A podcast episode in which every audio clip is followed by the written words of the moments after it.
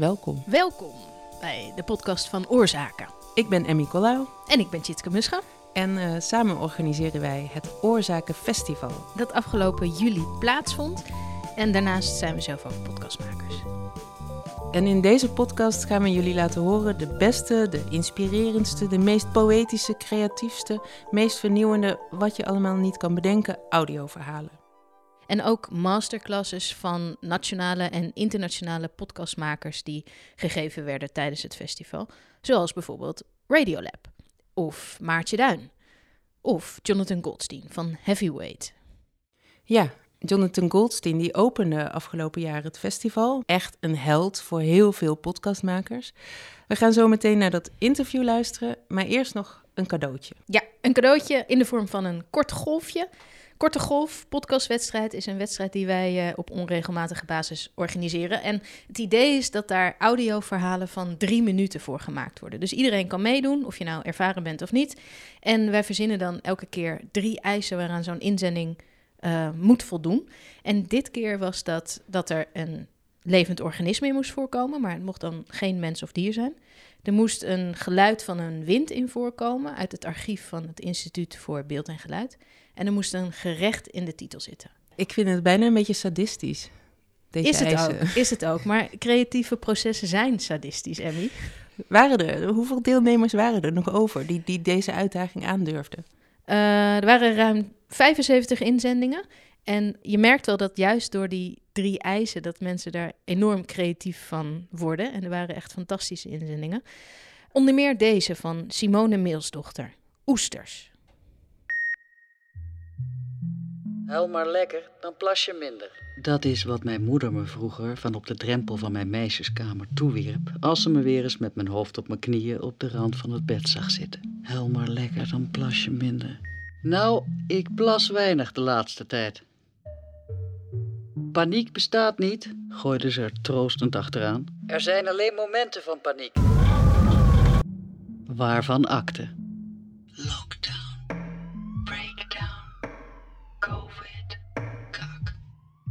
Ik betrap mezelf erop dat ik begin te knipogen naar de sluimerstandknopjes op de elektronische apparaten hier om me heen. Een soort empathische verbintenis. Ook zij wachten rood knipperend om weer geactiveerd te worden. Zoals de algen tegen het glas van het aquarium waar je de hele dag in staart, zo plak jij in je bed. Kom er vanaf. Ga wandelen. Je moet eruit. Uit de groef. Je plaat blijft hangen. Plaat blijft hangen. Wandelen. Ik wandel nooit. Iemand die rent met 150 beats per minuut de toekomst tegemoet. Maar rennend loop je al snel aan de dingen voorbij. Keert je blik naar binnen. Ik moet juist uit mijn binnen, uit mijn hoofd. In mijn hoofd loop ik achtjes, kom ik uit waar ik vertrokken ben. Lockdown. Breakdown. Covid. Ik doe echt mijn best. Ik, ik probeer mijn gedachten uit de miezer te trekken. Ik, ik, ze richting zon te sturen. Of op zijn minst iets te begrijpen. Hoe mijn hoofd werkt. Ik denk dat het Jeroen Brouwers was die het opschreef. Het beeld van de oester. De oester die de ongevraagd binnengedrongen schurende zandkorrel uiteindelijk om weet te vormen tot een parel. Zou er ooit een oester zo attent geweest zijn om er een tutorial van op YouTube te zetten? Zal het zand in de schelp van mijn schedel zich ooit een weg kunnen schuren richting parel? Je moet hieruit, kom op. Je plaat blijft hangen. Wandelen, ga gewoon wandelen. Oké, pick yourself up. En ik zal mijn hoofd achterlaten bij de voordeur. Zoals een moslim zijn schoenen aan de deur van de moskee, zo laat ik mijn malende kop achter bij de voordeur. Oké, de buitenwereld in.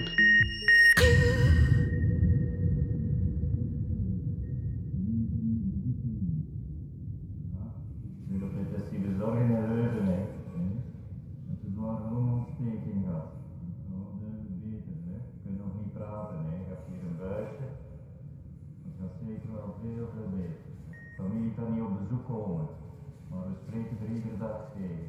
Kun je mijn hand het is in mijn hand. Ja. Het gaat allemaal terugkomen, hè. Hé, gaat allemaal rond.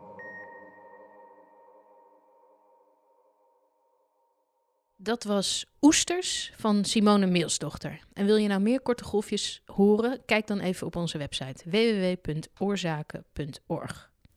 Ja, dan is het nu uh, hoog tijd om te gaan luisteren naar het interview van Jair Stijn met Jonathan Goldstein.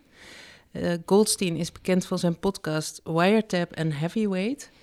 En Heavyweight is een podcast die eigenlijk een heel simpel concept heeft, namelijk Jonathan Goldstein helpt mensen. Het is een soort therapie eigenlijk. Uh, bijvoorbeeld een man die zijn broer nooit meer spreekt, dan gaan ze uitzoeken wat daar nou eigenlijk gebeurd is. En um, en fungeert Jonathan Goldstein als een soort mediator tussen die twee. En daar ben je dan als luisteraar bij. Of een man die vroeger ooit bevriend was met Moby. En uh, nog een CD van hem, uh, een CD en hem heeft uitgeleend en nooit heeft teruggekregen. En daar nog steeds heel boos over is. En dan gaat Jonathan Goldstein met die man terug naar van, nou, wat is nou precies gebeurd. En gaan ze zelfs bij Moby langs. En het grappige aan die serie is dat het dus extreem persoonlijke verhalen zijn... die tegelijkertijd voor iets heel universeels staan. En hij doet dat op een hele integere manier... Um, die zowel uh, ja, heel serieus en, en, soms ook zwaar is of emotioneel, maar ook heel grappig. Ja, en nooit sentimenteel. Het is nooit, nooit sentimenteel. cheesy, het is geen aanzwellende viool EO-show. Nee, dus misschien is het meest jaloersmakende wel zijn, zijn toon. Ja, ja. Jair Stijn die interviewde hem. Jair zat in uh, Studio De Smet in Amsterdam. En Jonathan Goldstein zat in zijn uh, gangkast in Minneapolis. En dit is het gesprek dat zij voerden. Welcome, Jonathan. Hi, thank you. Nice to be here. Y yes, here, here, or there. exactly. Or, or nowhere. Y your, it, it, what looks like a room is in fact a closet. It is. Not to brag, but yes, I... Uh, I have a, uh, a closet spacious enough that I could I could sit in with a microphone. Yeah. We're going to be talking about heavyweight, of course, mostly, and a, a show. I'm not sure if you came up with this uh, description, but I heard a, a, therapist with a time machine. Is that is that accurate? Uh, yes, in a sense. I mean, it's sort of like taking the the bro- the broad idea behind uh, therapy or psychoanalysis, where you're sort of uh, you can't actually go back into the past, but you can talk about it, and in in doing then that's basically the closest that you can get to making things right. Um, and so, trying to turn that into a little bit of a quest. Um, so that's where the time machine comes into play. Um, so so, speaking of time machines, I, would like to bring you back to uh, one moment in the podcast, which actually will bring us back to a painful moment in your life. So, I'm, I'm going to play a clip for you. Bring it um, on. Bring it on. it's from an episode. Bring on the pain. exactly. That's what we'll do. It's from an episode called Joey.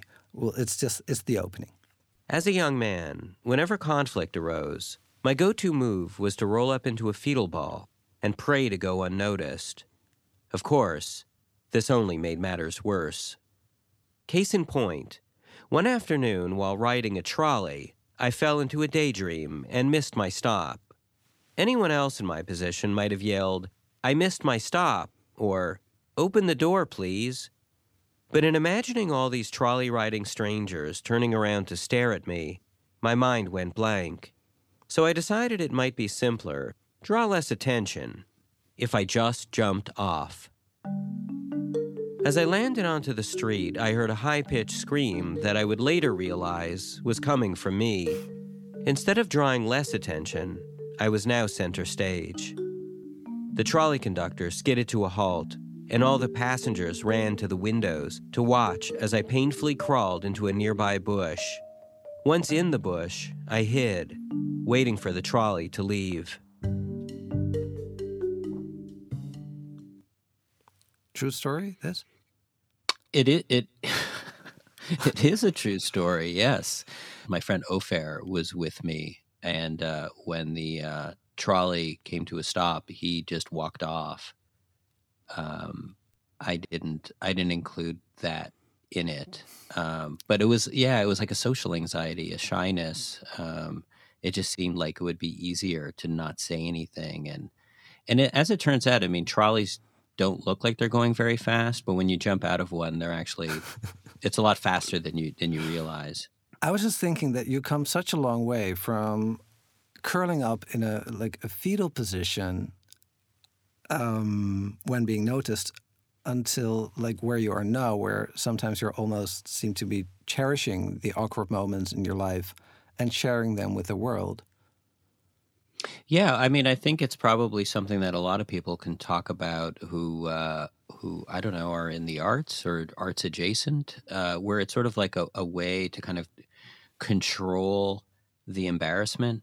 You know, um, you're kind of like uh, you're doing it to yourself before others could do it to you. Hmm. Um, it's it's uh, um, I mean, you know, I, again, I mean, at the end of the day, I'm still sitting in in a closet talking into a microphone by myself. But uh, I think w- what it what it gave me the feeling of in being able to share these sorts of stories was feeling like you know all my life had been kind of like humiliating myself but now it was happening for a higher good you know it was happening for a purpose for entertainment value to you know make to normalize myself and to make other people feel better better possibly because they feel superior to me um, but you know that's okay But it's also like that. Then, like the, the the showing your vulnerability makes you in a, in a way less vulnerable.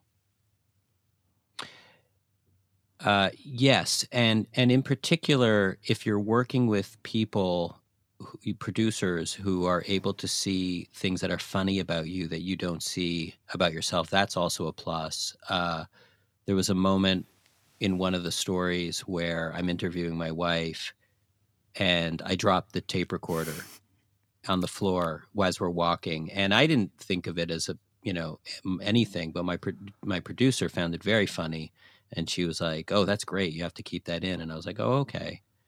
Um, so sometimes, like, there's certain things that are embarrassing that you catch, and then there's other things that I think other people need to catch for you. When did you realize that like humor could be a tool, and and what did you use it for? Well, I, I can't say I was a class clown or anything like that, but uh, uh, probably like kind of maybe sort of like in a court jester way, you know, like you're not you're not coming on as a threat. Uh, you're not you're not donning the um, the the vestments of like a, an alpha or something like that, but you can get away with kind of like speaking truth to power, Mhm. I guess. And I used to do that a little bit in my neighborhood, uh, you know, as a kid in grade school. Um, and uh, the parents sometimes found it kind of sarcastic and uh, you know d- didn't love it um, but um, but i think it helped me make friends i think so So, even though Heavyweight is really a funny show, you really, you really are helping people. I was wondering, is that something that you used to do even before you had the concept for this show?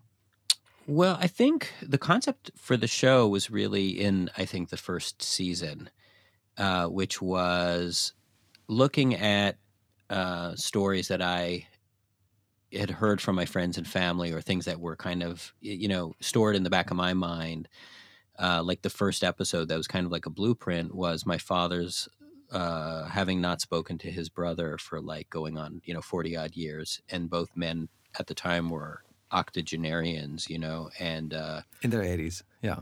Yes, that's right for our for our uh, English listeners. Um, and uh, um,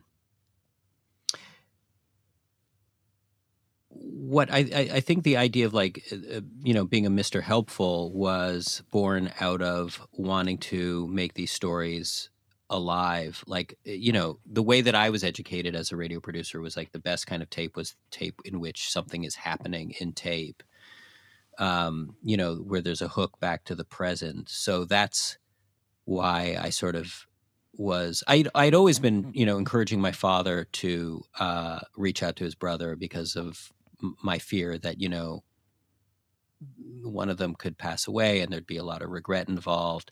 But I felt like now, with okay, if this is going to be my show, then um, there's a deadline, and for both my father and and I, and uh, we have a, schedule, and we're really going to do this thing. It gave it an imperative.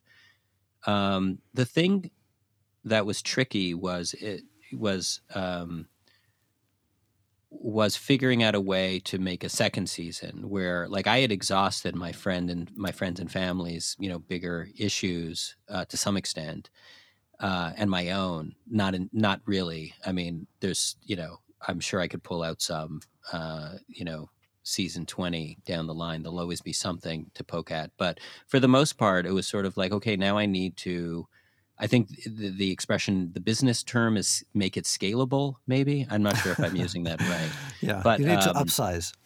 That's right. That's what I needed to do. Otherwise, I'd come out with a season every ten years or something. And so I opened the door to receiving other people's uh, problems, and which was a very nerve wracking, weird experience because I had to present myself as an expert in something. First of all, in a um, in an area that didn't really exist. You know, it, it's not like you know you can look at, at LinkedIn and find like experts in helping you.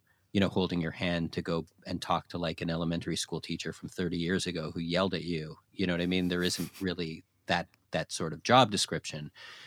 Um, and and I had to you know kind of pretend at being an expert for the sake of the people that I was helping. They needed, I think, that, and I needed to be able to to kind of don that and be that for for for people. And um, it changed the dynamic uh, of the episodes because in the first season it was sort of like I, I knew these people very well. And in the second season i was getting to know them through the you know the adventure that we were going on which was kind of um, fun you know and interesting in a different way. And it was also like you know um, harkening back to that idea of that I mentioned, you know, of having something actually unfold and happen in tape. Mm-hmm. A, a part of it, a part of that was the developing of my relationship with the person. You know, you can kind of see that unfold and a dynamic, a familiarity unfold because we had the luxury in some cases of like recording with people for like, you know, oh, sometimes over a year, sometimes a couple of years. There's one that we're working on now where like I was getting to know this person over the course of three years, you know, so how do you do that deadline wise? That's I mean, if you're do you have like 10 stories at the same time that you need and and some of them yeah will... we're, we're we're in that process now where we're sort of like looking at like okay what's the most viable stuff like we're working on this one story where we're trying to get uh, an ancient curse lifted um, this curse that was decreed by the uh, in the 1500s by the uh, archbishop of glasgow and so it's involving like uh, you know phone calls to vatican officials and stuff like that and we're thinking like okay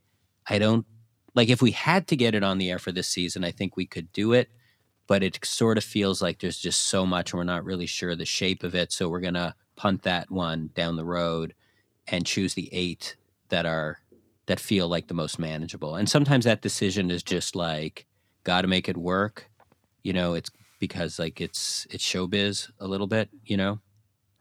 And you, I don't think it's it's a coincidence that you started out with your family and friends. I mean, you used to do that in your previous show in in Wiretap yeah. for Canadian radio.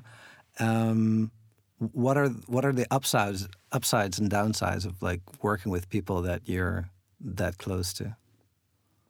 Well, the upside I think for me was like it allowed me it it felt like I had license to be more of a nudge to them because I know them, you know, and if I say, "Hey, I want to do this story about, you know, how you've neglected to bury your father's ashes for the past 20 years and have the canister rolling around in the trunk of your car," they'll be more inclined to say yes because I'm a friend. Mm-hmm. Um, the downside is I have to see them after the episode is finished producing they're going to be in my life. So I'm, you know, I'm I'm accountable. I mean, I'd like to think that I'm accountable to everybody um, that I'm making stories with, but I'm going to have to live with these people for the rest of their lives. You know, so there's a different kind of accountability. I'm also, I was I was so curious with some of the stories that you make. Um, because, like you say, if it's friends and family, they will they will go go along easily. But there's this one episode, for instance, where you're helping this woman um, who was friends with a group of girls back mm-hmm. in back in I think primary school or high school. Yeah.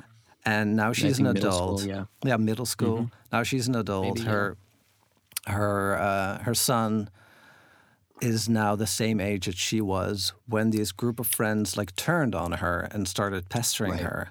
And I was trying Yeah. to imagine me myself like being in the role of the like the researcher for this story, finding one of these old friends or frenemies' phone numbers, and then having to be like, okay, so I was just imagining how would this phone call go? Like um, an so, old friend of yours is looking for you because you tortured her as a kid. And to make you feel at ease, there'll be this comedian there too, and he wants to record everything for his podcast. Is that how it you goes? you you I, I don't know whether to be flattered or insulted that you're referring to me as a comedian. I guess I'll take it as a as as flattery. Thank you. Um, uh, yeah, are in a kind way, of. I mean, some. Well, I mean, I I don't know. I leave that to you. But, um, uh, it- but it's- how, how does the it- real conversation go?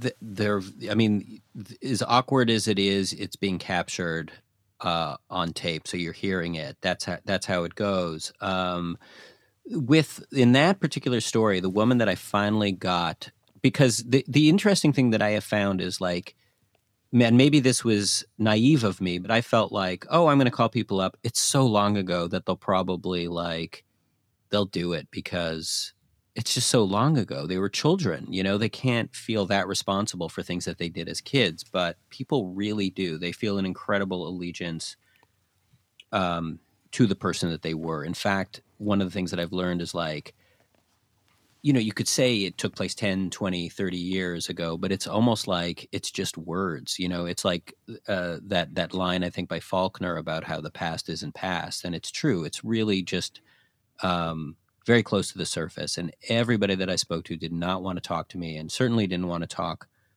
um, on the record. But I found there was the woman who eventually she had the conversation with, and that was some off the record conversations that uh, she did not want recorded, which I understood. And we talked for quite a while. And eventually, she w- agreed to do it for much the same reason that Sky originally took this project on, which was for the sake of her kids. She wanted to show her kids um, that one could apologize for behavior that they made, and you know, and wanted to teach her kids something in the same way that Sky wanted to teach her kid that you can kind of stand up for yourself, even if it's like thirty years later. Yeah.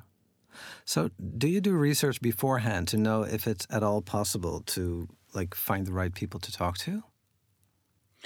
Uh, oh, You mean like in terms of the subject or the people? Well, someone someone will come to you with a problem, or they'll Yes. send you an email, or you'll find them. I think, and then at a certain moment, they'll maybe they'll be looking for someone, and you won't have a clue if that person is still alive, if it Right. might might bore you to death, if they have mm-hmm. a story that's so heavy and awful that it could never lead to anything hmm. interesting. So, how much research do you do beforehand to make sure that it'll that you'll get an episode in the end that's worth all the research? We don't always. I mean, sometimes everything's very interesting, and then we do. We have that final conversation where, or we we hope to have that final conversation. We track the person down, and they're just like, "No, I don't want to do it." And you try and you try. You keep on knocking on that door until sometimes you know they threaten you and say, "Listen, do not ever call me again." You know, and you're like, "Okay." You take no for an answer, and you that kills it.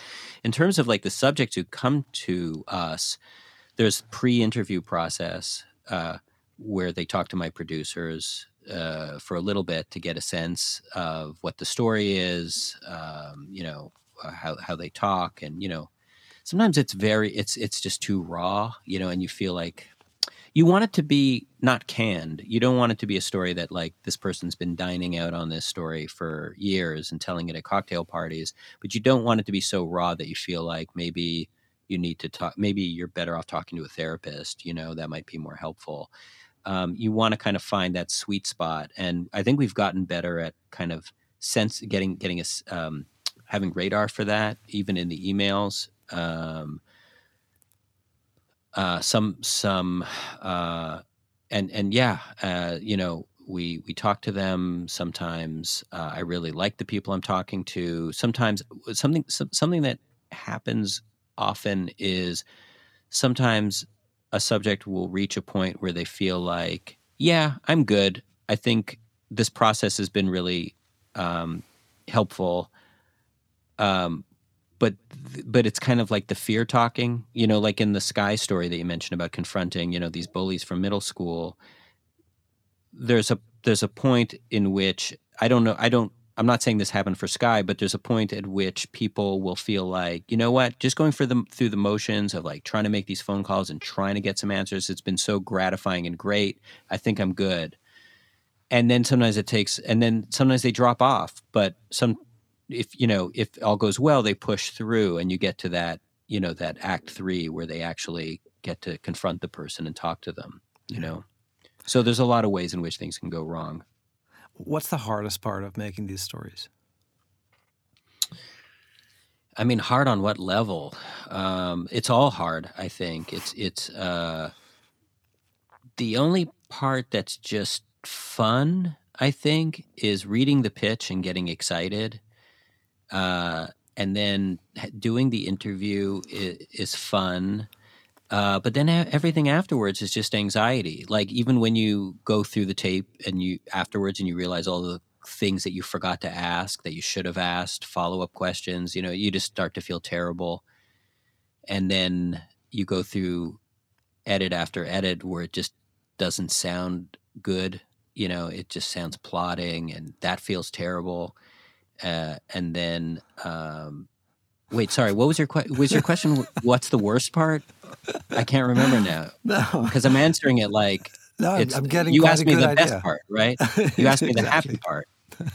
Yeah, the happy part I think is like, yeah, if if it actually helps a person, that you know, and and and sometimes you really you feel like it does, and I think if you're heading in a direction where you feel like this is not going to do any good, and that happens too sometimes, where you just feel like that you know you're heading towards that and then you you you got to reconsider you know? We did one story i don't know if you heard it about this woman who had lost touch with her father who just absconded disappeared to the philippines. Yeah. And i felt like i don't know if i'm going to be able to help here but it, their relationship felt like it was in such disrepair that i couldn't hurt it anymore you know? So that was decisive. Sometimes you feel like maybe I, you know, I am capable of doing damage, so I, you know, I don't want to do that. Now, I, I actually preparing for this interview was was interesting because I heard all the episodes. I, I practically heard everything before, but then I was re listening to them again, and found that it was such an emotional roller coaster. Like mm. every single episode, there were moments where I was sort of laughing out loud, and then I was uh, like tearing up at the at the mm. end of it. So I, I think I had, an overdose of heavyweight, and I'm wondering about how you do this particular thing, where because I would like to do it myself as a as a podcast producer, where you where you shift emotions like that, because I'm I, I cannot imagine that it's that this happens like as a as a coincidence? It's it's yeah it's um it's tricky. Uh, I will say like just on a craft level, music can help. You know, I think it was sort of like that benchmark was established uh, with This American Life, where you know the best stories were the ones that could be both funny and sad and round all of those bases, and that became the uh, the driving force for heavyweight.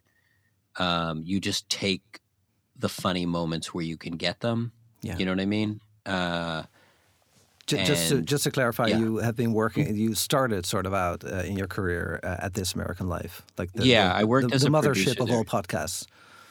Yeah, all, at that time, back in those caveman days, it was known as radio. It was like exactly. um, you were tethered to um, to the spot, um, and you had to listen to it at a particular time.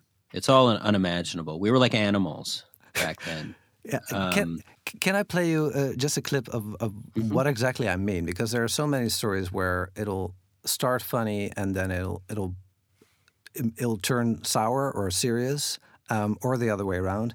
This is from. It's one example. It's it's an episode. One of my favorites called Rob. He remembers clearly how um, he broke his arm as a kid, and then he shares this particular mem- memory um, on the family group app, and he gets a strange response. Let me play this clip for you. My mother immediately shot back, You never broke your arm. My mother said, I do not remember that at all. Laura, do you remember that? Because my sister is the, the keeper of memories. In a family, each member has their role, the thing that defines them. Laura's role is keeper of memories, and immediately she texted back. Don't recall any of this. A second later, Rob's father weighed in with ridicule. Was that the camping trip where you broke your arm and it healed overnight? Rob shot back. I had a cast for weeks! Exclamation point. Next, Rob's younger brother Nate chimed in. Oh boy, here we go. Another I broke my arm, I broke my arm story. Look, I'm the broken arm guy. That's my role. So, like 30 seconds later, it shifts to this. I felt like, you know, my mother didn't remember this experience, this this that I, her son was in pain and and had to be taken to the hospital and was and was in a cast and for a long time, you know, and I, I think I felt uh um I, I felt I don't know, forgotten. And and in the episode that you just were describing before, uh, which was about meet, meeting your first love, and then you drop the recorder, was also like in this particular moment where it's a very painful conversation with your Mhm. wife, who clearly uh, gets the feeling that you have way too many feelings for your for your ex girlfriend, and then and then you're dropping the recorder, and, and it like it changes in a second. Yeah, yeah. It's I ideally the laughs will make the sadness sadder and the sadness will make the laughs funnier, you know? Like you get the mix right and that's what will happen because all jokes I mean are you know, I, mean, I shouldn't say all jokes, but a lot of the funniest jokes have an underpinning of like sadness, like real, you know, sadness to them. Um and uh yeah, in in that particular story it's uh yeah it all hinges on this very simple thing did rob break his arm as a child as he remembers Mhm. or or didn't he because no one else remembers? And um that that was great. I mean as a radio producer you probably know that sometimes you have to bring structure to something that is a little amorphous. But in that case i was really along for that ride. I spoke to him the first time i felt like oh you broke your arm definitely so much it's so clear that we probably don't even have a story here. But then i spoke to his family and i was like wow this guy definitely did not break his arm. And it was just like a roller coaster in a great way. Like i just felt really uh, uh, along for the ride. And so, my feeling is, especially in the first few, the first couple of seasons, that it's maybe 90%, 95% like having fun. And then you just insert a tiny bit of emotional, I don't know, emotional honesty is not the word. It, maybe something even a little bit sentimental, and it will just crush you. But uh, do, do I get the percentage right? Is it something that you can script and think like, okay, we need to insert it right here? in retrospect, you, can look at a script and feel like, okay, I need an idea about something here to make it feel a little bigger. Like, for instance, you played that story at the beginning about me jumping off a trolley. Um, that was like in the very late stages of production. I put that in as a framing device because I felt like without it, you wouldn't know what to be listening for. It was kind of it served a didactic purpose. Um, it well, it did two things. It sort of like pointed the finger at me and said, "I'm a, I'm a yutz. You know, I'm just as foolish as Joey." Mhm. So it kind of inoculated me uh, from all of my making fun of Joey affectionately, but still, you know, I was making fun of him. So I I- think I, I- I- needed to. I need to explain. Joey, like the main character, is this totally awkward guy, and you you wanted Yeah. to frame it like he's not the only awkward guy in the room. Yes. Yes. And also, I think I needed to, yeah, tell people what's coming, like just to, you know, as a sort of um, signposting a little bit. Mhm. Um, sorry, I backed up into that. We were right. You were talking about the 95 versus 5%. Like sometimes, uh, yeah, sometimes it is 95 and 5. Sometimes it's it's different. The, the There's an episode, uh, a pretty silly one, uh, that's mostly just for laughs. It's this episode called Marshall, Mhm. where it all hinges on me watching this experimental art artsy film uh, that is by this Russian master uh, f- uh, filmmaker, where the whole thing is done in one long take. And I remembered watching it some 20 years ago and remembering that at some point someone just like looked into the camera and for me it blew the whole movie. Um, uh, it blew the illusion of the the drama that this guy was creating that he he he you know he broke that uh the, that fourth wall by staring directly into the camera. So i went about trying to track down this russian musician who was in that movie. Because you were um, certain that he was consumed by guilt for the rest of his right. life. i thought i thought wouldn't it be interesting to talk to this guy yeah who destroyed this great russian filmmaker's uh uh you know greatest work and what that is like for this guy to live in the shadow of that and um, he didn't care. No one cared except for me. Was basically what I what was happening, and I spent I want to say maybe three hours or more on the telephone with this guy Marshall, the titular Marshall's wife, to try to get at something about Marshall, to try to get at something emotional, you know, so that it's kind of like the entire episode, which is like close to an hour, culminates in this punchline, but it's like a punchline that's kind of sad. Like after this whole wind up of funniness, that there would be, if not something sad, something that kind of felt a little deeper.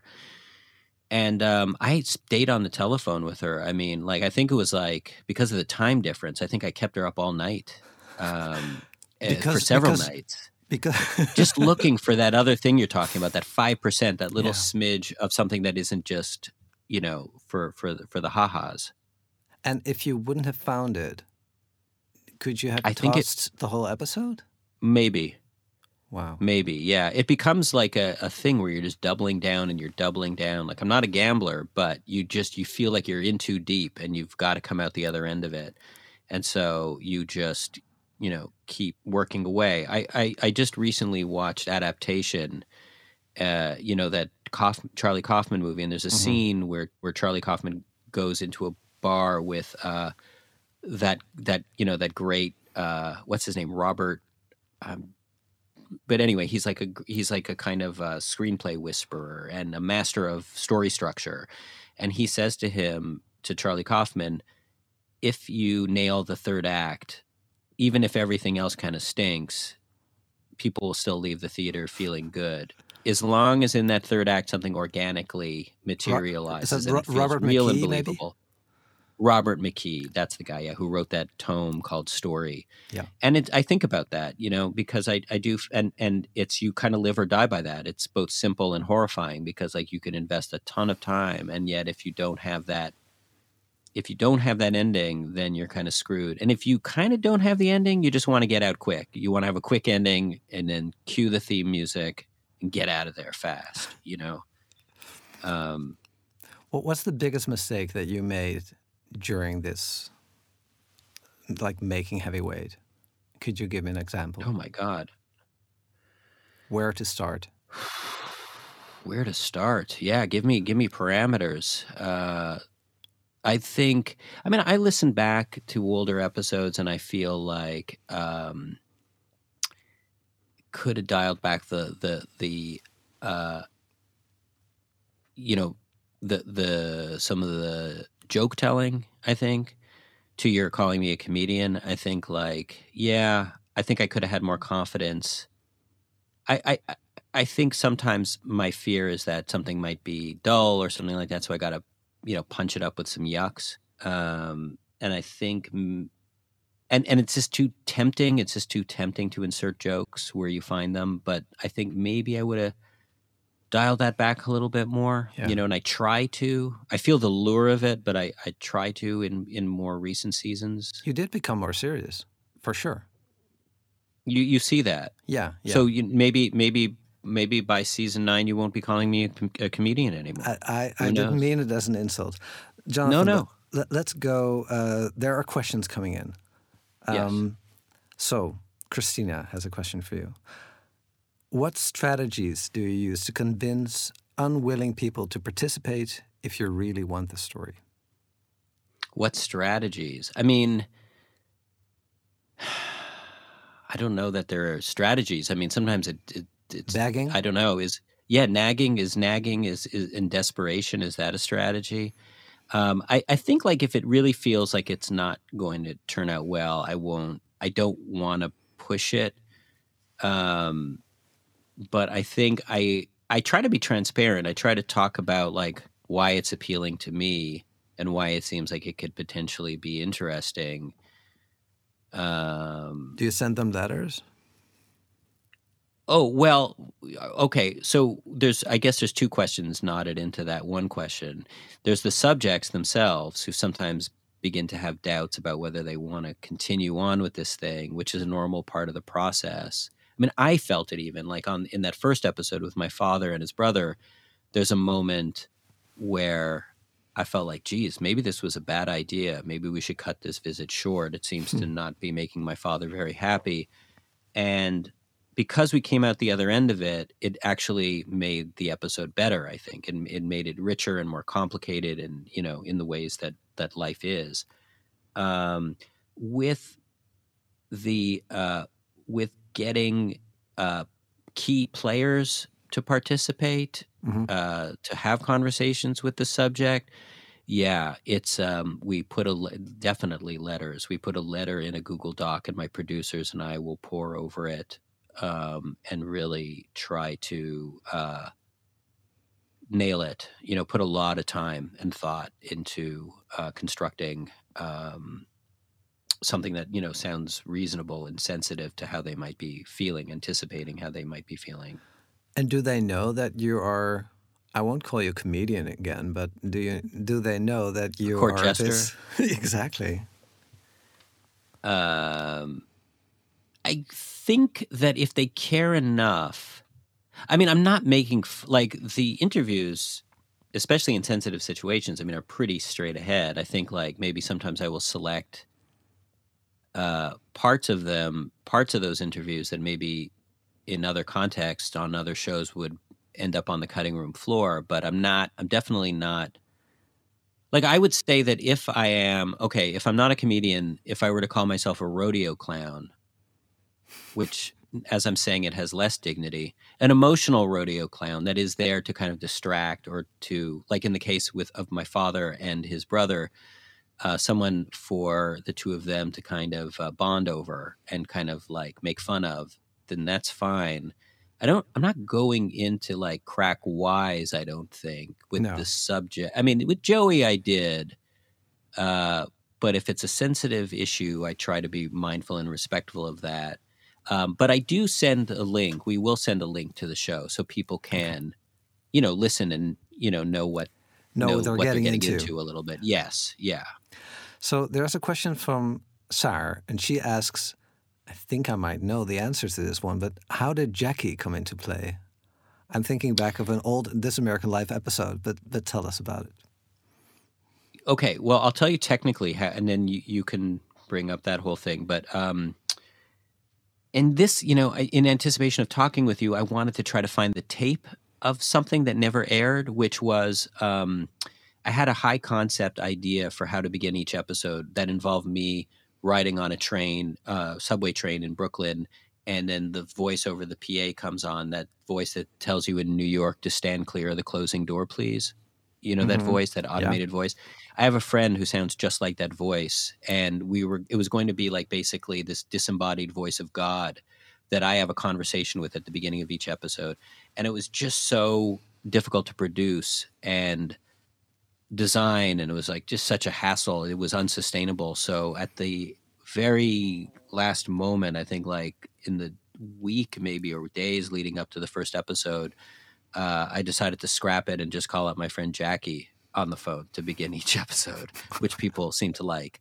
So Jackie is um, Jackie's just an old friend. is an old friend of mine who uh, legitimately does not want to be talking to me on the phone, uh, does not want to participate in my podcast in any way. Uh, and um, You, you don't Yeah, even need. I- you, you don't even ask her to hang up the phone. She'll do that. Just she doesn't Yeah, Naturally. she just does not want to participate. I don't even know if she listens to the show. I don't think she'd give me the satisfaction actually of even listening to it. And I've told her, I've said, you know, people really like you, you know, and I've tried, I think one time we were hanging out, she came to visit New York and I showed her on my phone like all of these messages of people saying how much they liked her and she just doesn't want to know from it. so. Uh, so uh, it's it's it's real. The thing I was The, the looking. the hostility, the animosity is real. it's all real. Um, You can't fake that. just for people who want to know more about how this uh, friendship uh, came to be, I think it's uh, this American Life episode called "The Allure of the Mean Friend." Is that could that be yeah, right? that's right. Yes, that's exactly it. Yes, It- yes, and uh, you hear more about Jackie Cohen. yes. and- it's all about my history. Yes. Yeah, yeah, yes. Um, so there's an, there's another question. You you're saying it's all real. Um, question from Dennis. He says you also write fiction. So do you feel um, that plays into how you write for audio? It does in terms of yes, very much so. I mean, in ways that are uh, great and in ways that are frustrating. Um, again, like the thing you know that uh, this American Life was so um, impactful about was like this idea of like structuring nonfiction stories as you would fiction. You know, where you want to inject it with drama and uh, character development characters and you know and, and, sense of surprise and all of those things so um so that that is helpful in the beginning what was a little frustrating was to harken back to those stories where you finally found that person that the subject needed to speak with for act 3 and they would say no thanks i don't want to do it. The thing that was frustrating was in my with my old show wiretap where it was uh, had a, a, a big element of radio drama to it you know i could have just called up my friend howard and said hey do you want to play the part of this guy you know that we can't get on the telephone and you'll just do it and you know it'll be a hybrid a mix of fiction and nonfiction. Um, that that was that was a lot easier you know to be able to just uh, insert you know your your own um, your own fictions and and make things what you want. But the pleasure of it, after I think doing eleven years of a show that was uh, largely f- fiction, you know, with with other elements, was the element of surprise. It's frustrating, you know, when you don't get people to talk to you that you need. But the thing that's cool is um, y- you'll learn things. You're out in the real world, and people people say things that you don't anticipate that you know you couldn't have created. Um, so So I want to play something from Wiretap, um, which was a show with mostly telephone calls, like you calling friends, you calling your your family. Um, yeah, yeah, most of them weren't too nice to you. Um, and some stories would start out real and then spiral into fiction. And once in a previous life, um, I was at a masterclass that you gave. So that's why I still have the clip. I'm going to play you the. It's like the ending of was an that was that episode, was it? It was called a master class, was it? Wasn't it? Or a workshop? I don't know. I feel I'm like I'd sure. be I'd be better suited to like be teaching a bachelor's degree class, maybe. I don't know about masters, but okay. So it's an it's an episode where you talk to your father about your circumcision for the non-Jews and Muslims in the audience. Could you explain which which what kind of operation It's- we're Well, yeah, it was. I think specifically, it's the it's the Jewish ritual uh, of the circumcision, which happens, I think, on the seventh day of a of a young of a of an infant male's birth. Uh, on the seventh day, it's uh, it's the uh, the cutting of the foreskin. exactly. So uh, we're I'm going to play you the, the end of the episode first. you know, let's face it, peeing in uh, Miles' eyes isn't what you'd call dignified.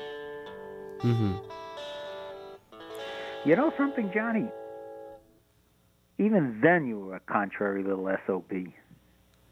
So, so he he tells a story of you peeing in the in the guy's eyes who was about to do the surgery or afterwards, and even then Right. you were a, a contrary SOB, which is Right.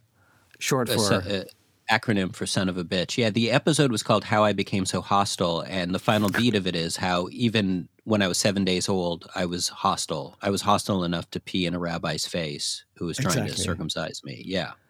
And then at this, I'm, I'm still going to call it a masterclass. I don't care what you think. Um, you played this particular tape of tape where you were directing your father to say these last lines. It's just a clip from it.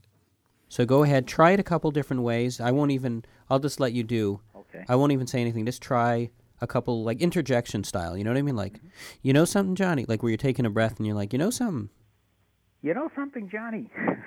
I'm thinking back in those days, even then. You know, you were a contrary little son of a SOB. Oh, I screwed that up. Uh, just try a few, you know something, Johnnies in a row. You know what I mean? Just try Just you know something, Johnny? That's it? exact, just the way you said it, just like that. Okay. Go ahead. You know something, Johnny? You know something, Johnny? You know something, Johnny? You know something, Johnny?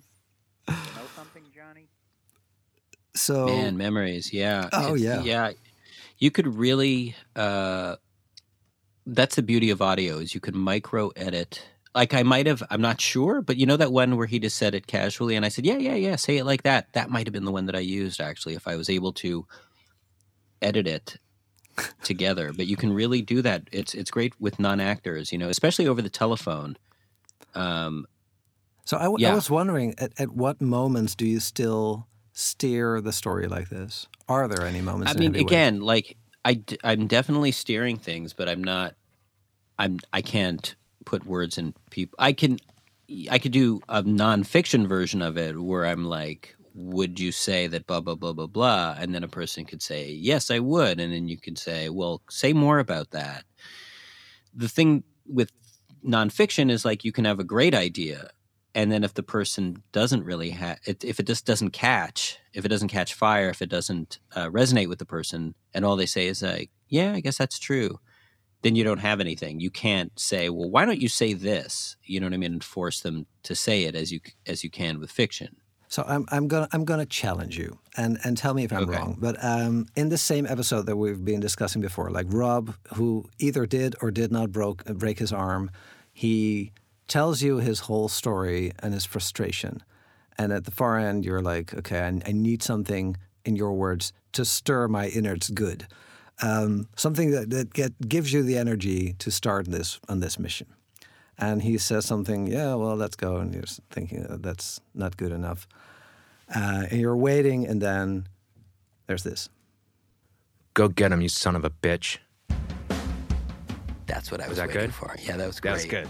I was going to say either that or get those bastards, but I'd have felt weird calling my family bastards. After the break, questioning some dirty, rotten bastards. All right, great. All right, I love tha- you very much. Oh, thank you. Thank you. All right. right. back at you there.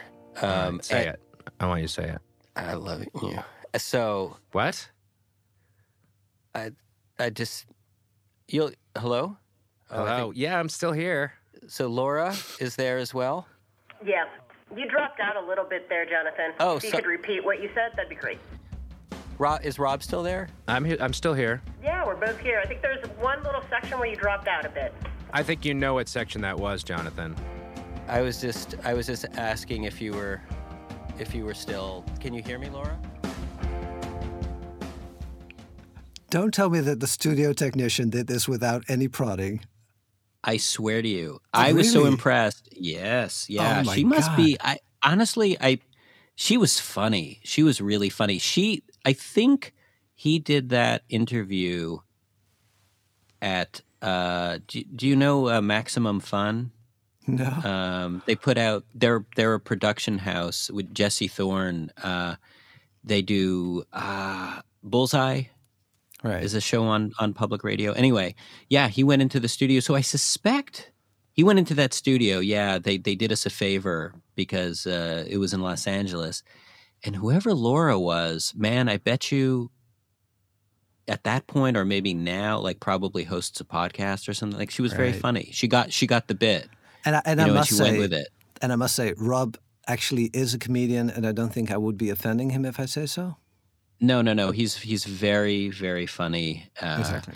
and that yeah. So i was like waiting for him to say let's do it. Like that's the call to arms that i you know that begins every uh, episode. You know once the whole story is laid out okay now we're going to go on this quest and we're going to get to the truth. And he knew it. He knew the show. So he you know was playing with that. And and um, and i left all that in you know because it's funny and it's you know to be transparent. And I Um, love yous even.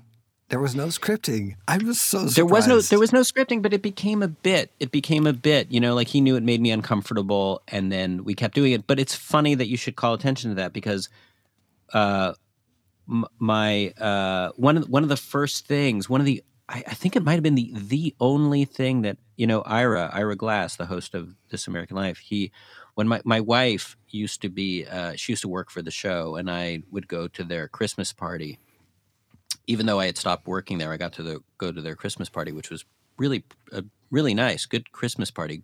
Um, and I remember he asked me a question about the season, and it was that. It was like, so that whole "I love you" thing was that like a bit? Was that scripted? That so that Oh, was that was his question because he yeah because he thought it just rolled out like such a piece of kind of you know like a set piece and I was very happy to say like no, no, it wasn't. It just kind of. I mean, I think Rob, Rob's very, you know, he's very funny, um, and uh, and and you know maybe editing helped with it a little bit, but it was just all kind of all all natural. So how much? I I trust you completely. So it's unscripted, but but Thank you. still, but still, you you're you're of course, um, a lot of heavyweight is just very good writing. Um, can you take me through the process? Like how do how do you build an episode? Where does it start, and how much of it is writing and scripting? Well, you know, in the beginning, it was sort of like me sitting and writing, like for the per- these personal episodes about my family. Now it's become like more of a machine. Like I have these producers who are so talented and uh, and and such good writers in their own right that they will bring to me like a rough, you know what I mean, a, a, like what we'll call like a playthrough or an assembly, but it just every season it just gets better and better and then you know we'll rework the material uh, in in a google doc and uh, we'll have a whole bunch that we're working on um, and there's a you know a couple producers so i'll kind of like mo- toggle between them um, so i would say that like it starts off with the if that first interview that first interview we book someone and we talk to them and it's usually for a couple of hours. But, that but we m- speak. maybe re- rewind just one step for me. Okay. Is it? Do you have like a pile of fantastic stories waiting for you? No, we get we get people send in emails. Uh, we get we get some every day, and they're al- we we we read them right away. Uh, they're always exciting to to get. Um, and if we think that there's something there, there's something that we like. Oftentimes, there's little moments that we like, uh, and sometimes we'll write back just out of curiosity. Uh, but if there's something that we feel like has legs enough, then one of my producers will do, will book them for a pre-interview over the phone. And is, is Uh, is one of the things because it, it, it it's not it's not of course in every episode, but like the one with Rob, is one of the things you're looking for that people are like frustrated over something miniature that happened decades ago and are like it's still bugging them. Is is that Mm-hmm. Yeah. one of the things that you're looking for? Yeah, to some extent. I mean, I like sometimes when someone's sort of obsessed with something that happened. I want to still feel that they're stable. I want to feel like you know my life's fine. hmm You know, um, but I do. Con- this thing weighs on me, and it has a presence in my life. You want the right balance, uh, but you you do really want someone who isn't talking about it philosophically, like, oh, that was back then, and you know, crazy, huh? How kids think. Like the best interviews for me, the best interview subjects are the ones who are able to really get right back there and and get back into that headspace and be vulnerable in that way, and that's wonderful. And and then yeah, have a simple sort of ask. You know, like the thing that they want is pretty simple.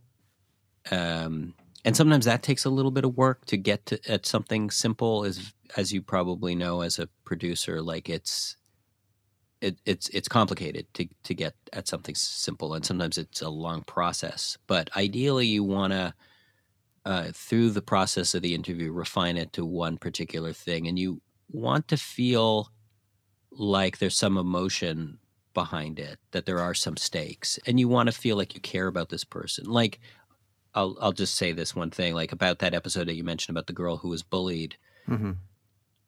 I was kind of on the fence a little bit during the interview because I wasn't really sure what our quest was or what what was behind it. But then there was a moment when she said, "I just really want to show my son uh, that I'm not a pushover," you know, and that felt real. You know, that felt real and relatable and emotional. And that was like when I felt like the green light, like, okay, we're going to do this thing, you know. And, and, and before so that's that, what you're looking for. Before that, what, what was missing then? Mm, I can't remember exactly, but I guess I felt like maybe it was just like, what was it going to, like, why? Like, what's the value in finding out what these girls wanted? uh, yeah. from, or like what their reason was for bullying her. Like I kind of felt like kids are, you know, mean sometimes, and they probably were thoughtless and just mean. But I, but knowing that there was there was importance in just the process of getting there because of her love for her son, that made me feel like you know what, even if that's the outcome at the end. That's okay because it the story really the arc really is between her and her son so it, it was also, if I understand you correctly, um, like weighing in the back of your your your mind. Are, are we go- really going to torture these ad- adults with something they did when they were children? Just well, because torture. One, I mean, or you know, we, we were, or... it wasn't going to be like a war tribunal or anything. You know, I mean, all they did was like you know dumb kid stuff. But uh, um, but you needed. But to, yeah, sorry, you needed to be sure that it was worth it to bring them back to that yeah, I think so. I mean, I or I think like yeah, it was worth uh, the effort of yeah. everything. You know, of yeah. Okay, of so the, yeah. So you you have this first big interview, and then you have what you're looking for, and you want people to be vulnerable, and you want people to be able to go back in time to how they exactly felt and what they did, and and what's next in the in the process. it, we, we, the, the interview itself will not be cut.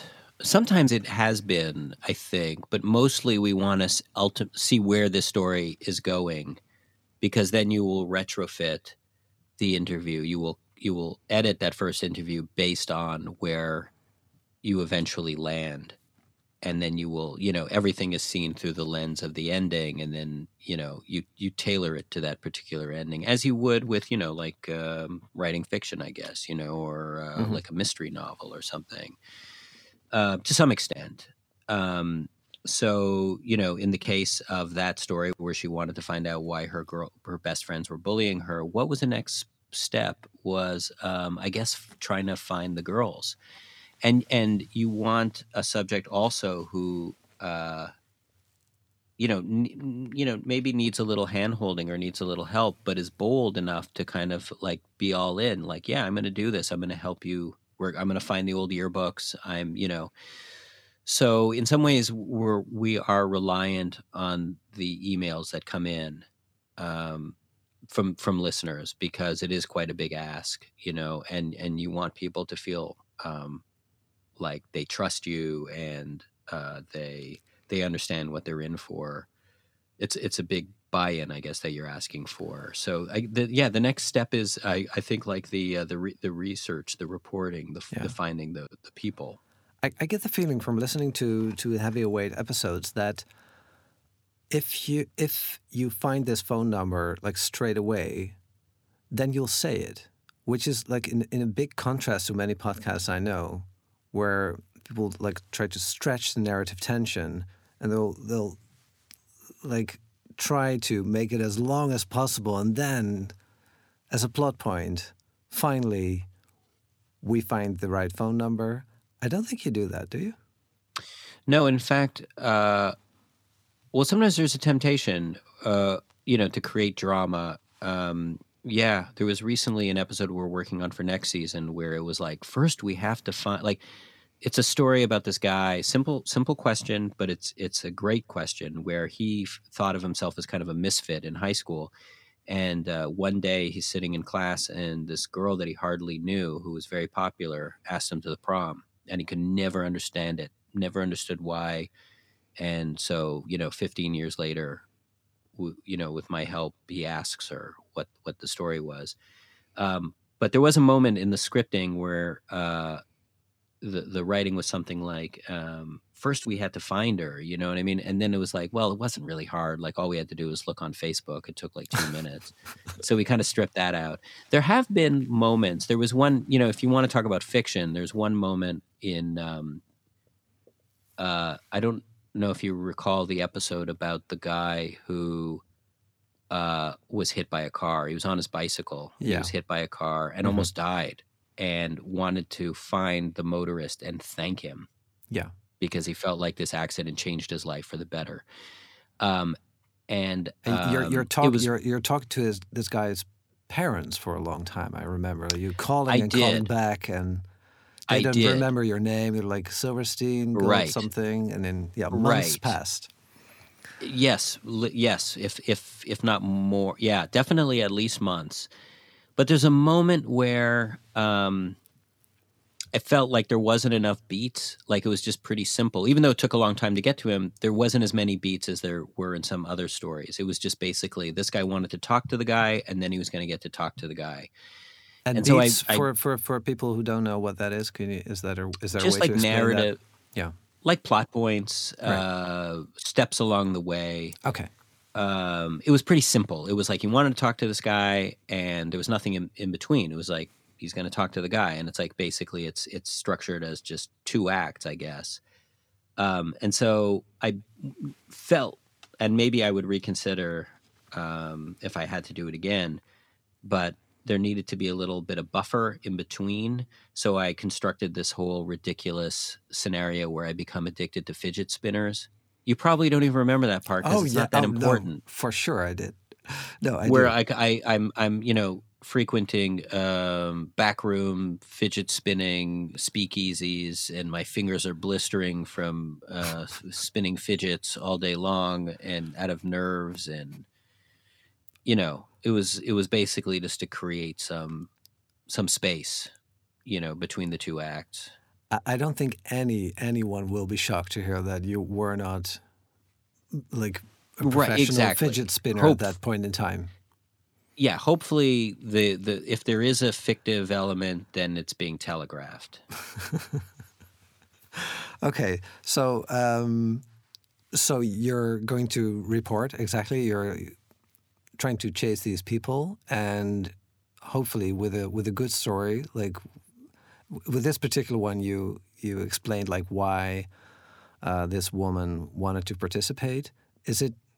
It, it, it still feels that it, it it must be hard. Like, what's in it for them? Do you have a story like to tell them like what what what they could get out of it, like participating? You- You're thinking of which woman in particular?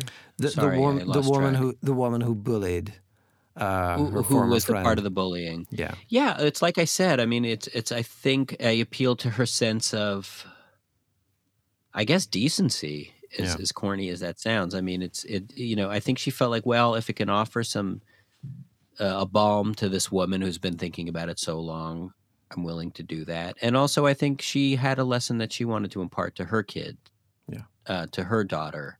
She had a daughter who was actually counseling her, saying, "Mom, don't do this. Don't do Right. this." Um, there's a little bit of a skepticism about the media in America.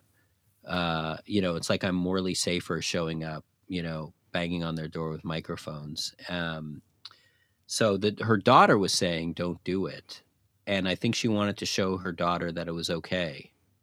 did it become harder Um, to, to get people to participate after all the, the skepticism and, and distrust of the media Oh, uh, in some situations, in some situations that I found uh, that were kind of funny, in some ways, uh, yeah, in in some particular situations. I'm and I'm joking about it. I don't know how much it came into play, but maybe maybe somewhat. Yeah.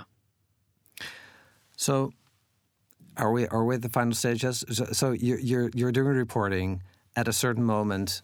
You've got all the tape, and then like how much of it is just writing? A lot, a lot. Uh, it's a lot of um,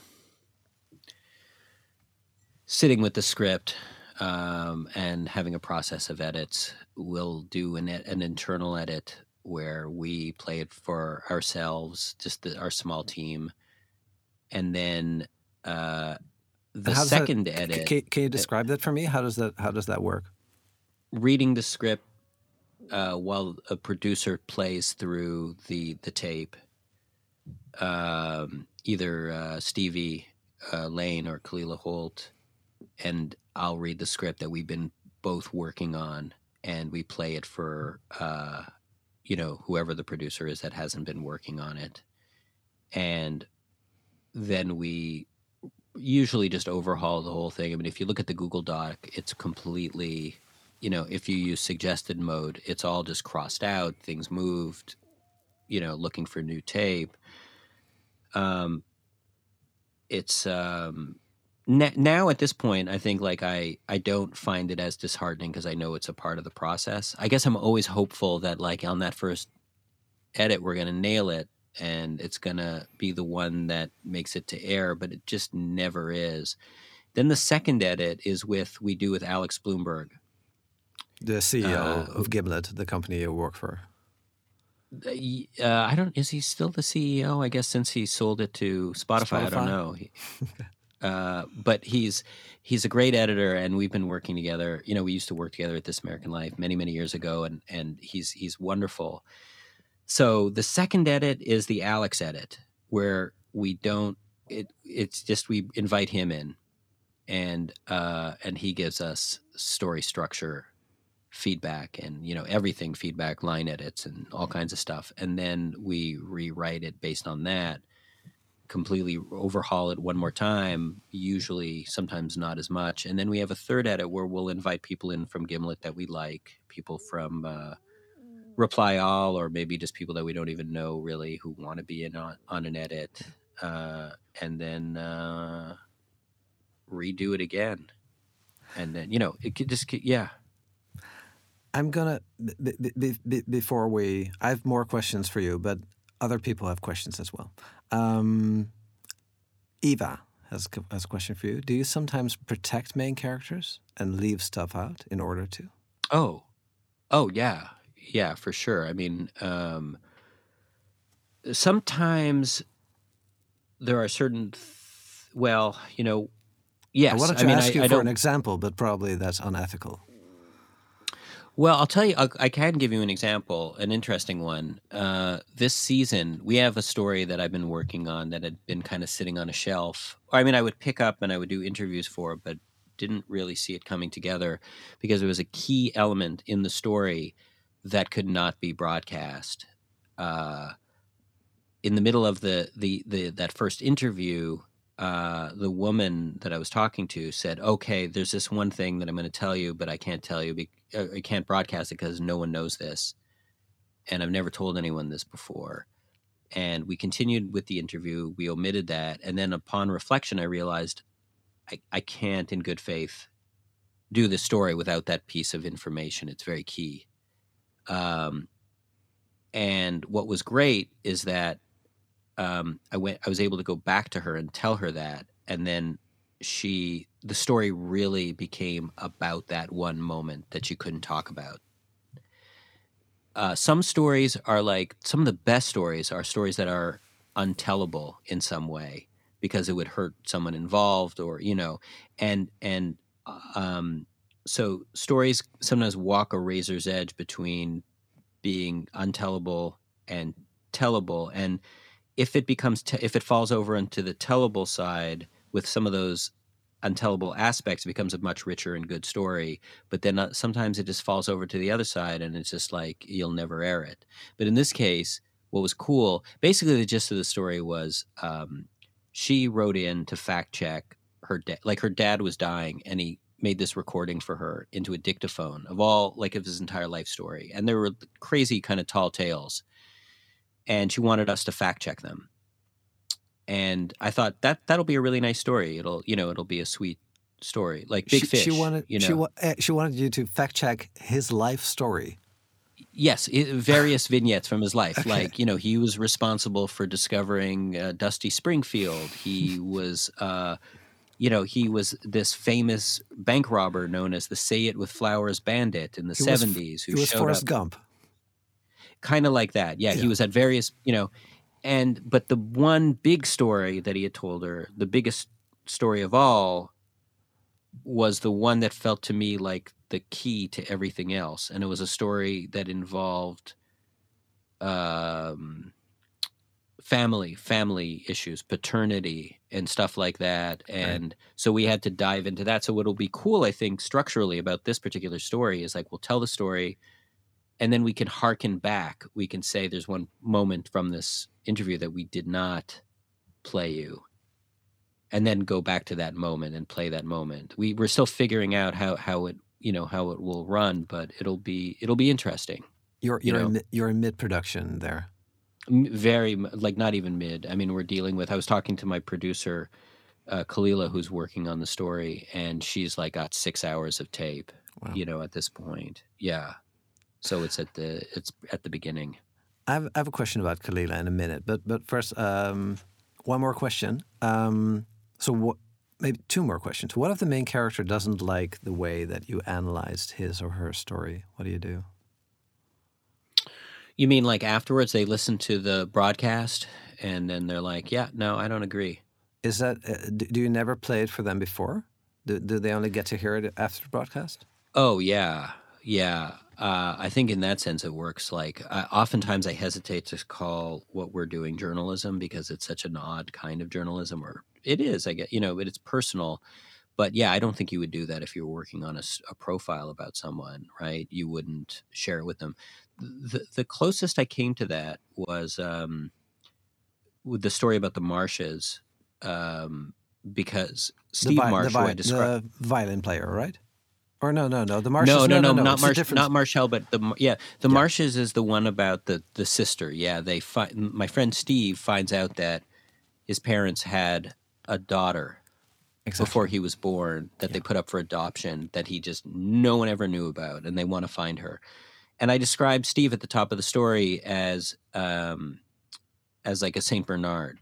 Uh, you know, like I The described dog? his entrance to this wedding. Yeah, that he was like he's like a Saint Bernard. You know, uh, big, fluffy, lovable, uh, but a Saint Bernard. You know, which is not necessarily the most flattering way uh, to describe someone. I meant it affectionately, but because you know I'm going to have to live with him. He's he's a friend. Uh, I wanted to clear that description with him. You know that he's not going to tell everybody, "Hey, tune into Right. this podcast," and the first thing they hear is like he's being described as a Saint Bernard. So I I I I, I share that language with him, but mostly um, mostly I, I don't. And and uh, so afterwards, uh, do you get responses sometimes from main characters who feel like misportrayed? Not usually, no. Hmm. Not in any circumstances I could think of, which is great. But you know, sometimes I guess the you know you're not doing propaganda. You're you're you know you're coming at it with your perspective, and uh, you don't want to make pe- someone feel terrible, but um, but you can't vet it with them either. You know. Yeah, you, you don't want to censor yourself either. So Yeah. um, there's one more question, which is sort of in line with something I, I wanted to ask you because I was thinking like, if there would be an episode called Jonathan, what would it be about? And I was I had that question on my list, and then I was listening back to some episodes, and I thought. There are a few episodes already Oh, yeah. that that are Jonathan, but just under yeah. a different name, like Galit about your Yeah. ex girlfriend. She has she wasn't searching It's for anything. No, Uh, Dr. no. Mueller, your therapist, story about Very you. much, yes. So, Yes. um, how is, is it also like therapy for you, like making this series in a way? The part of it that's like th- i mean there's very significant key aspects important aspects that make it not at all like therapy because you know, it's at the end of the day, you're creating entertainment. And hopefully, you know, in therapy, you would be able to just bare your soul or whatever and not have to be concerned about that.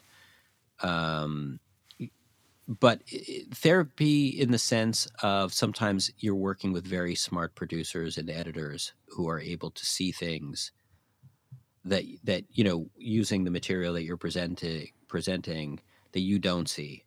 You know in the same way that like my producer was able to see that it's funny that i dropped and revealing of my character the dropping of the tape recorder while in, you know interviewing my wife there are producers and editors who are very smart and because you know essentially that's what you're doing in therapy in a way i mean you're trying to create a coherent narrative out of all these disparate parts the, the chaos of just experience and in a in a, in, a, in miniature you're you're doing that with a, with a, a, radio episode you know podcast episode where you're trying to bring structure to it and clarity and so yeah in that I, in that episode in particular the Dr. Muller one that you mentioned which was all about my the mysteries of my first therapist um, I remember when I finished being thankful to the team uh, and feeling like this was uh, good for me actually sometimes you know it's not as much it's sort of like um, it veers more into sort of like, okay, I'm not going to be able to. It isn't therapy, mm-hmm. and I'm going to you know veer away from the therapy. But in this case, it was it was uh, very helpful. It was it was it was a it was a helpful story to do. So a, a related question by Emmy. How do the mm-hmm. people that you portray influence you? And do you remember someone that really changed you? Oh, yeah, all the time. Um, What's boy, the first, so first many one people. that comes to mind? The first one that comes to mind is okay. I'll give you two, and because both of them aren't subjects in the story.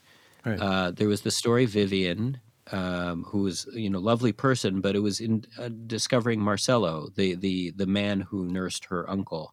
Through his death, and you know was her his partner for for many many years. Wonderful person. I, I just felt like so enriched by having uh, met him and uh, uh, just felt very grateful for that. Um, and then there was also uh, th- there was that episode about the four boys who go in the 70s on that bicycle ride yeah. for like 200 odd miles. And I remember finding uh, uh, what was the name of the episode? And I'm just blanking on his name. Um, that I don't know either. yeah. At, at, any rate, I just remember liking this man so much and just thinking, what a great guy what what a sweet man. Um, there's there's often there's often yeah. that, uh, and and that's the pleasures of nonfiction. So, I think my, my, my guess is that there are many like the reason why so many people enjoy your show um, has to do with your persona also. And how, how would you describe him, and how much of that character is you? I mean, do you have to play Jonathan Gold, the Jonathan Goldstein heavyweight, or is it like hundred percent you? I wouldn't say it's 100% me. I mean, just because, like, when are you ever 100% yourself, you know? I mean, I don't know. Do you see like a disparity between the person that I am in the podcast and the person who's talking to you now? Because, I mean, this is about as close as I get to being myself, I guess. We're a little more serious now. Not as much a comedian. Not, not as much is a there, comedian. Is there? Is it? Are you, you're seeing the the the the, the um. I'm not disappointed. man behind the clown mask. Um, uh, I think my, my aspiration anyway is to become more and more myself. I, and I think like that was a part of the um, the hope in moving from wiretap to heavyweight was to try to be less sticky, uh, be more of a three dimensional. You know, I mean, there. I don't want to.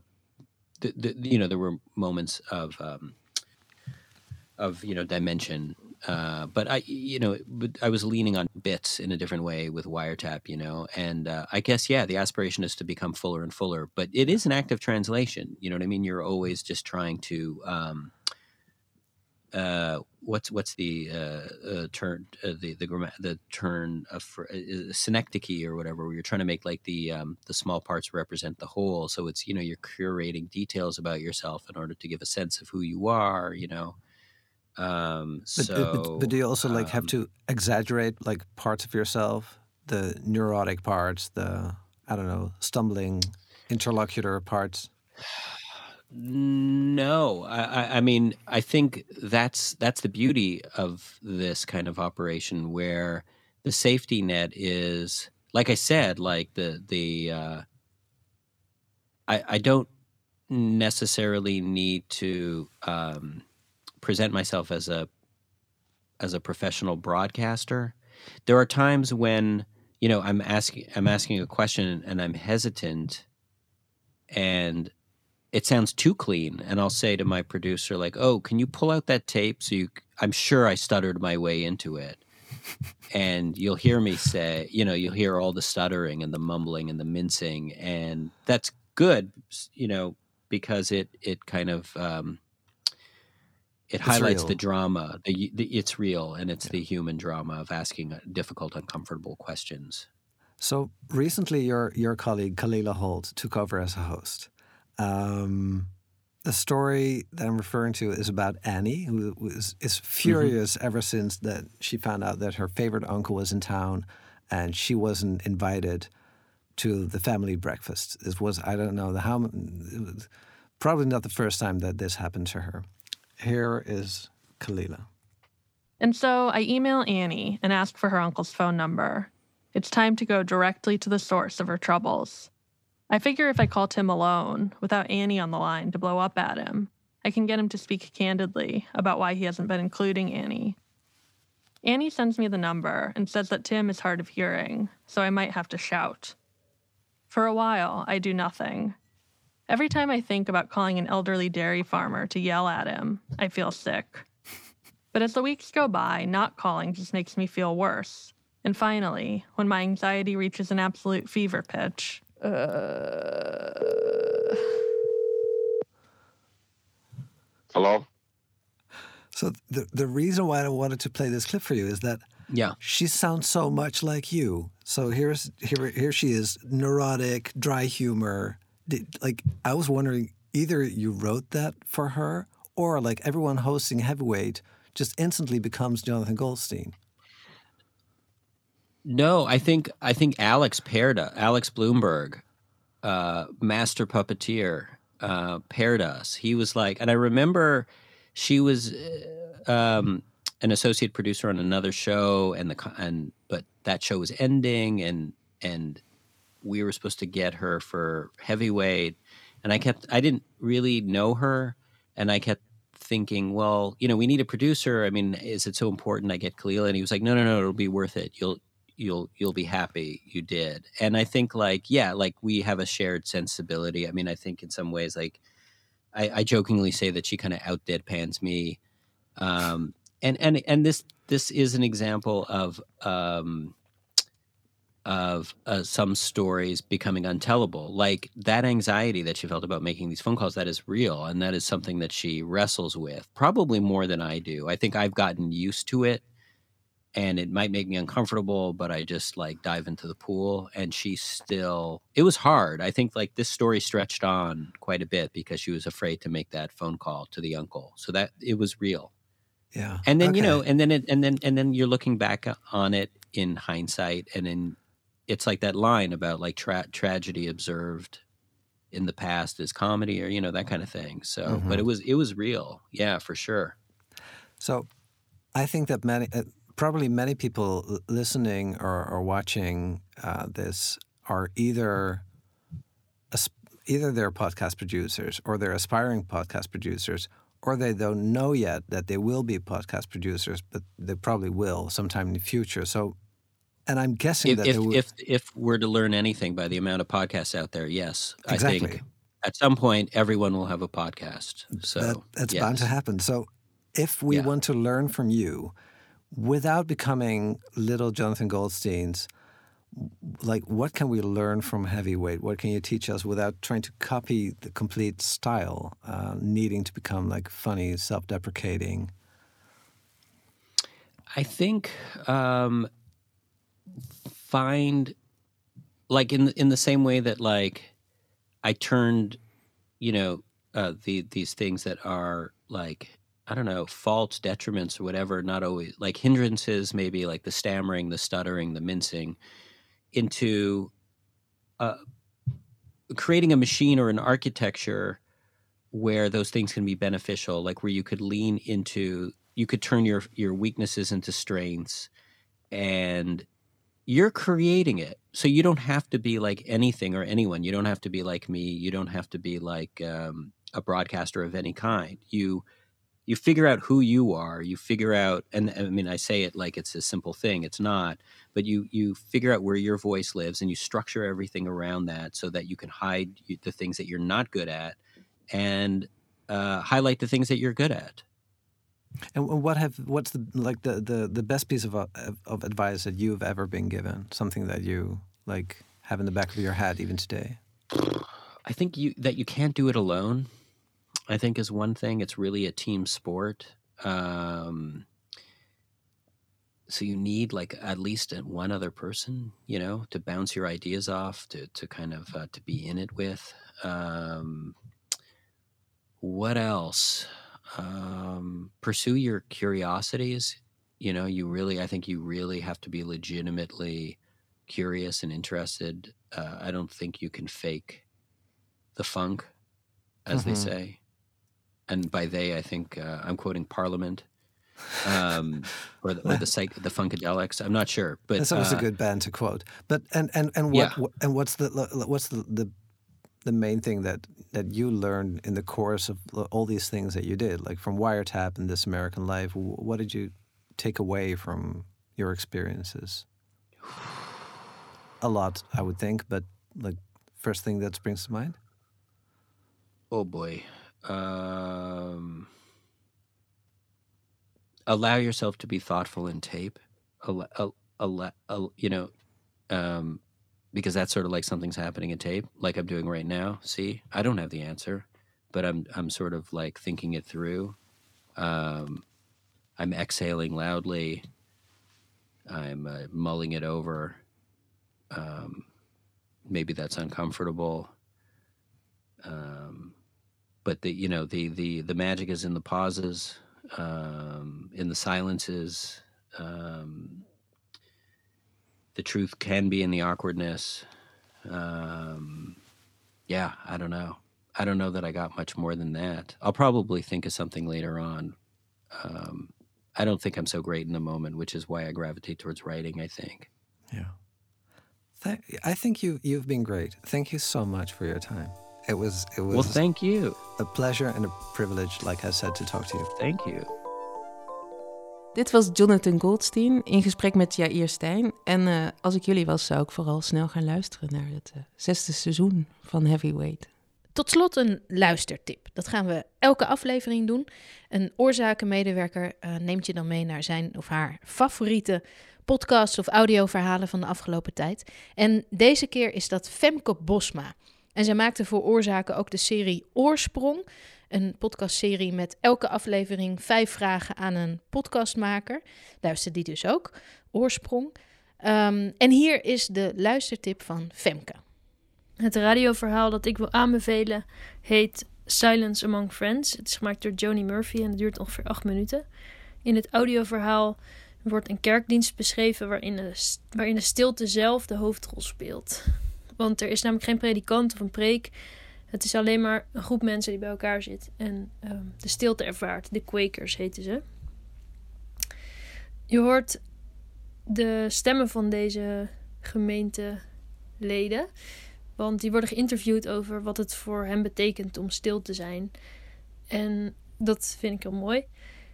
En het is ook wel interessant om te horen hoe de radiomaker zelf om is gegaan met die stilte vast te leggen. En om die weer te geven. Want je krijgt ook het gevoel dat je er zelf ook een beetje aan meedoet. En dat je ruimte krijgt om te reflecteren. Dat is mijn tip. Dit was Oorzaken de podcast. Leuk dat je luisterde. Ja, alle tips en alle verhalen die genoemd zijn in deze aflevering, die kun je ook terugvinden in de show notes of op onze website www.oorzaken.org. Tot de volgende. Doei!